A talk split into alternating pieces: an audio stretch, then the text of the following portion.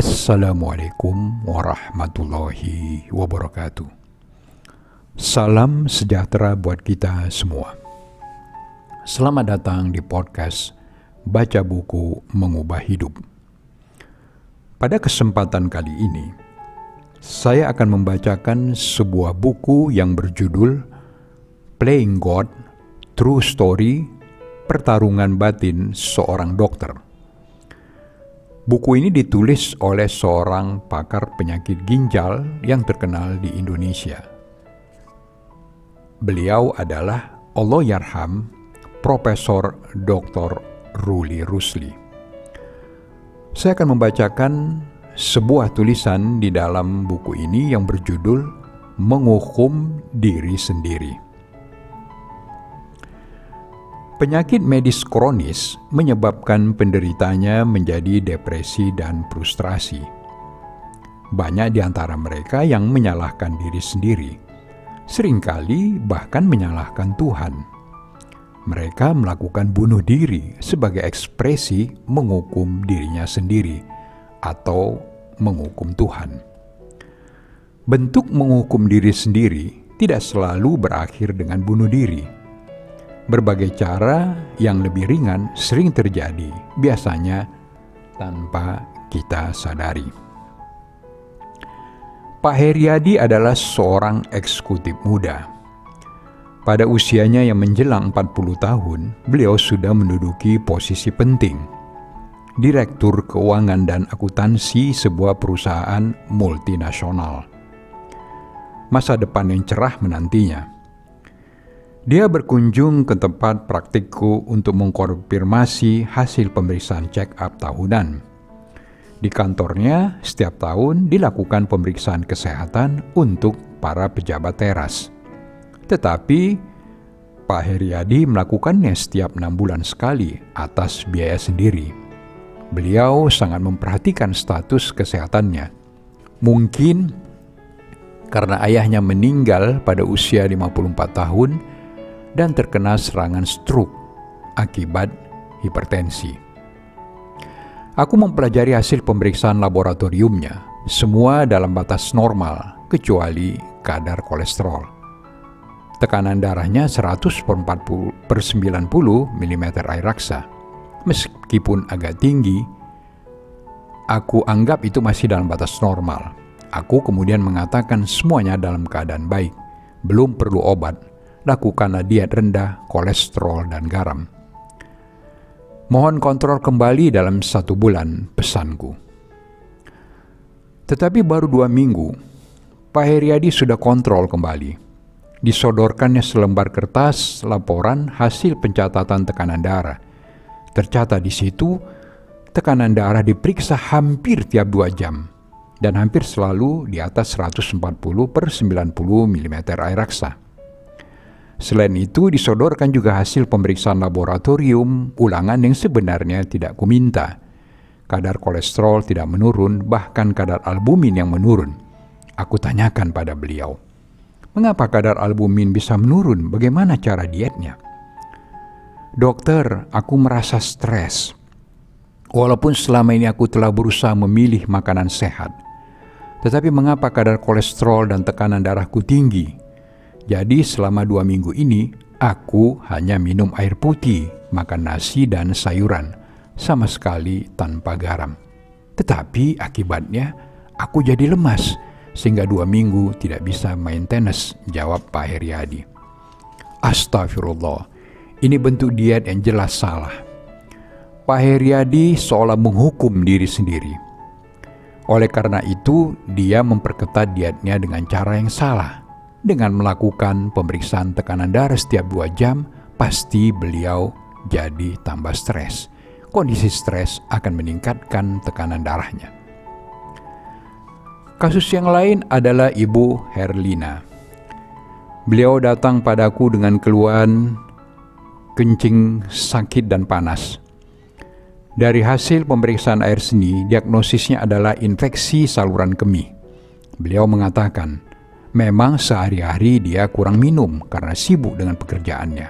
Apalagi karena toilet di kantornya kurang bersih, beliau mengurangi minum agar tidak sering kencing. Lalu kuberikan obat untuk infeksi saluran kencingnya. Minggu berikutnya beliau datang kembali. Hasil pemeriksaan air seni sudah normal, tetapi beliau mengeluh sering kencing. Hampir tiap jam harus ke toilet. Aku tanya, bagaimana dengan minumnya? Jawabnya, karena dulu aku kurang minum, jadi terkena infeksi saluran kemih. Maka aku sekarang minum setiap jam satu gelas. Ini juga cara yang salah. Karena stres beliau jadi sering minum, malahan berlebihan. Dalam pikirannya, banyak minum akan menyehatkan ginjalnya dengan harapan ginjalnya terbebas dari penyakit. Tetapi justru terlalu banyak minum ini yang menimbulkan masalah baru Tampaknya Ibu Herdina stres oleh vonis sakit ginjal. Dalam ilmu kedokteran, kelainan ini disebut compulsive drinking. Minum terus-menerus secara kompulsif tidak bisa ditahan karena perasaan stres. Terkadang stres bukan datang dari faktor luar, melainkan dari dalam diri sendiri. Seperti ketika kita melakukan sebuah kesalahan atau merasa bersalah terus karenanya Rasa bersalah yang terus-menerus akan membuat diri kita selalu dihinggapi ketakutan, takut berbuat salah lagi, dan kehilangan kepercayaan diri. Rasa bersalah bukan berarti kita tidak layak untuk berubah dan memperbaiki kesalahan. Menghukum diri terus-menerus bukan jalan keluar yang baik dan benar, serta tidak akan mengubah kita menjadi lebih baik. Jika tetap menyimpan rasa bersalah, kita pun akan takut melakukan sesuatu untuk mengubah diri ke arah yang lebih baik bahkan sering kali berusaha memperbaiki dengan cara yang salah. Kelainan ini dapat merupakan gejala dari gangguan obsesif kompulsif. Gangguan obsesif kompulsif bisa timbul dalam berbagai reaksi, bahkan bisa timbul dalam bentuk gaya hidup sehat.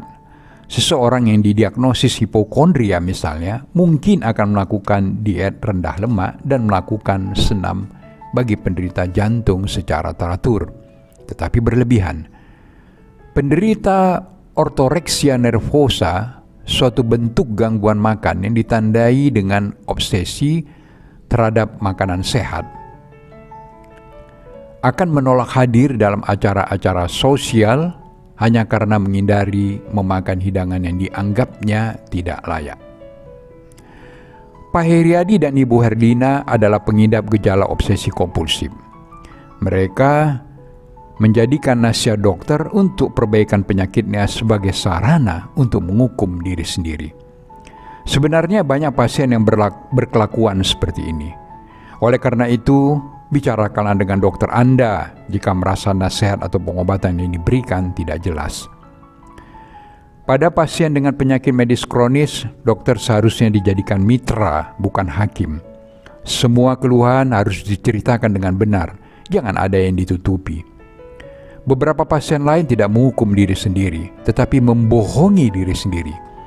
Ada pasien yang melakukan diet hanya pada saat hendak melakukan pemeriksaan laboratorium, supaya hasilnya tampak mendekati normal dan nanti tidak dimarahi oleh dokter.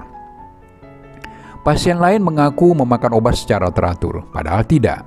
Malahan sudah beberapa hari obat tidak dimakan. Apa akibatnya? Karena hasil laboratorium mendekati normal, dokter menganggap diet Anda sudah benar, tidak perlu menaikkan dosis obat. Sebaliknya, karena Anda mengaku memakan obat teratur, padahal tekanan darah Anda masih tinggi, dokter menaikkan dosis obat. Padahal tidak perlu, cukup meminum obatnya sesuai dengan aturan. Makin tinggi dosis obat, makin besar kemungkinan terjadinya komplikasi. Jika dokter diberi informasi yang salah, ada kemungkinan dia akan membuat kesimpulan yang salah. Akibatnya, pengobatan menjadi tidak sempurna. Oleh karena itu, sekali lagi, jadikanlah dokter sebagai teman, bukan hakim. Teman untuk berdiskusi mengenai penyakit Anda, bukan hakim yang akan memarahi Anda. Jangan pula mengikuti nasihat dokter secara berlebihan. Di lain pihak, selalu jujurlah kepada teman Anda itu, si dokter Membohongi dia mengenai kesehatan Anda tak lain membohongi diri Anda sendiri, dan itu akan merugikan Anda, bukan dokter. Menghukum diri sendiri bisa dalam bentuk yang lain, yakni membunuh orang lain sebagai pelampiasan. Perilaku bejat babeh atau seorang kriminal yang menyodomi, membunuh, dan memotong-motong tubuh anak-anak dapat dipengaruhi oleh pengalaman buruknya pada masa kecil. Dengan menyodomi anak-anak, bisa jadi babeh menghukum atau menumpahkan kebencian terhadap diri sendiri. Kelainan jiwa semacam ini disebut sebagai child molester. Dari penelitian terhadap penderita child molester, biasanya mereka yang pada masa kecilnya juga mengalami molestation atau penganiayaan. Mereka tumbuh dewasa dan menjelma menjadi molester baru sebagai bentuk kompensasi terhadap masa silam mereka. Namun, karena si pelaku tidak berhasil membalas sakit hati kepada orang yang telah menganiayanya semasa, semasa kecil dulu, si pelaku menjadikan anak-anak lain sebagai objek pengganti. Kebencian dan emosi negatif ini bisa mengarah pada diri sendiri sehingga pelaku seperti ingin menghukum dirinya. Salam sehat buat kita semua. Wassalamualaikum warahmatullahi wabarakatuh.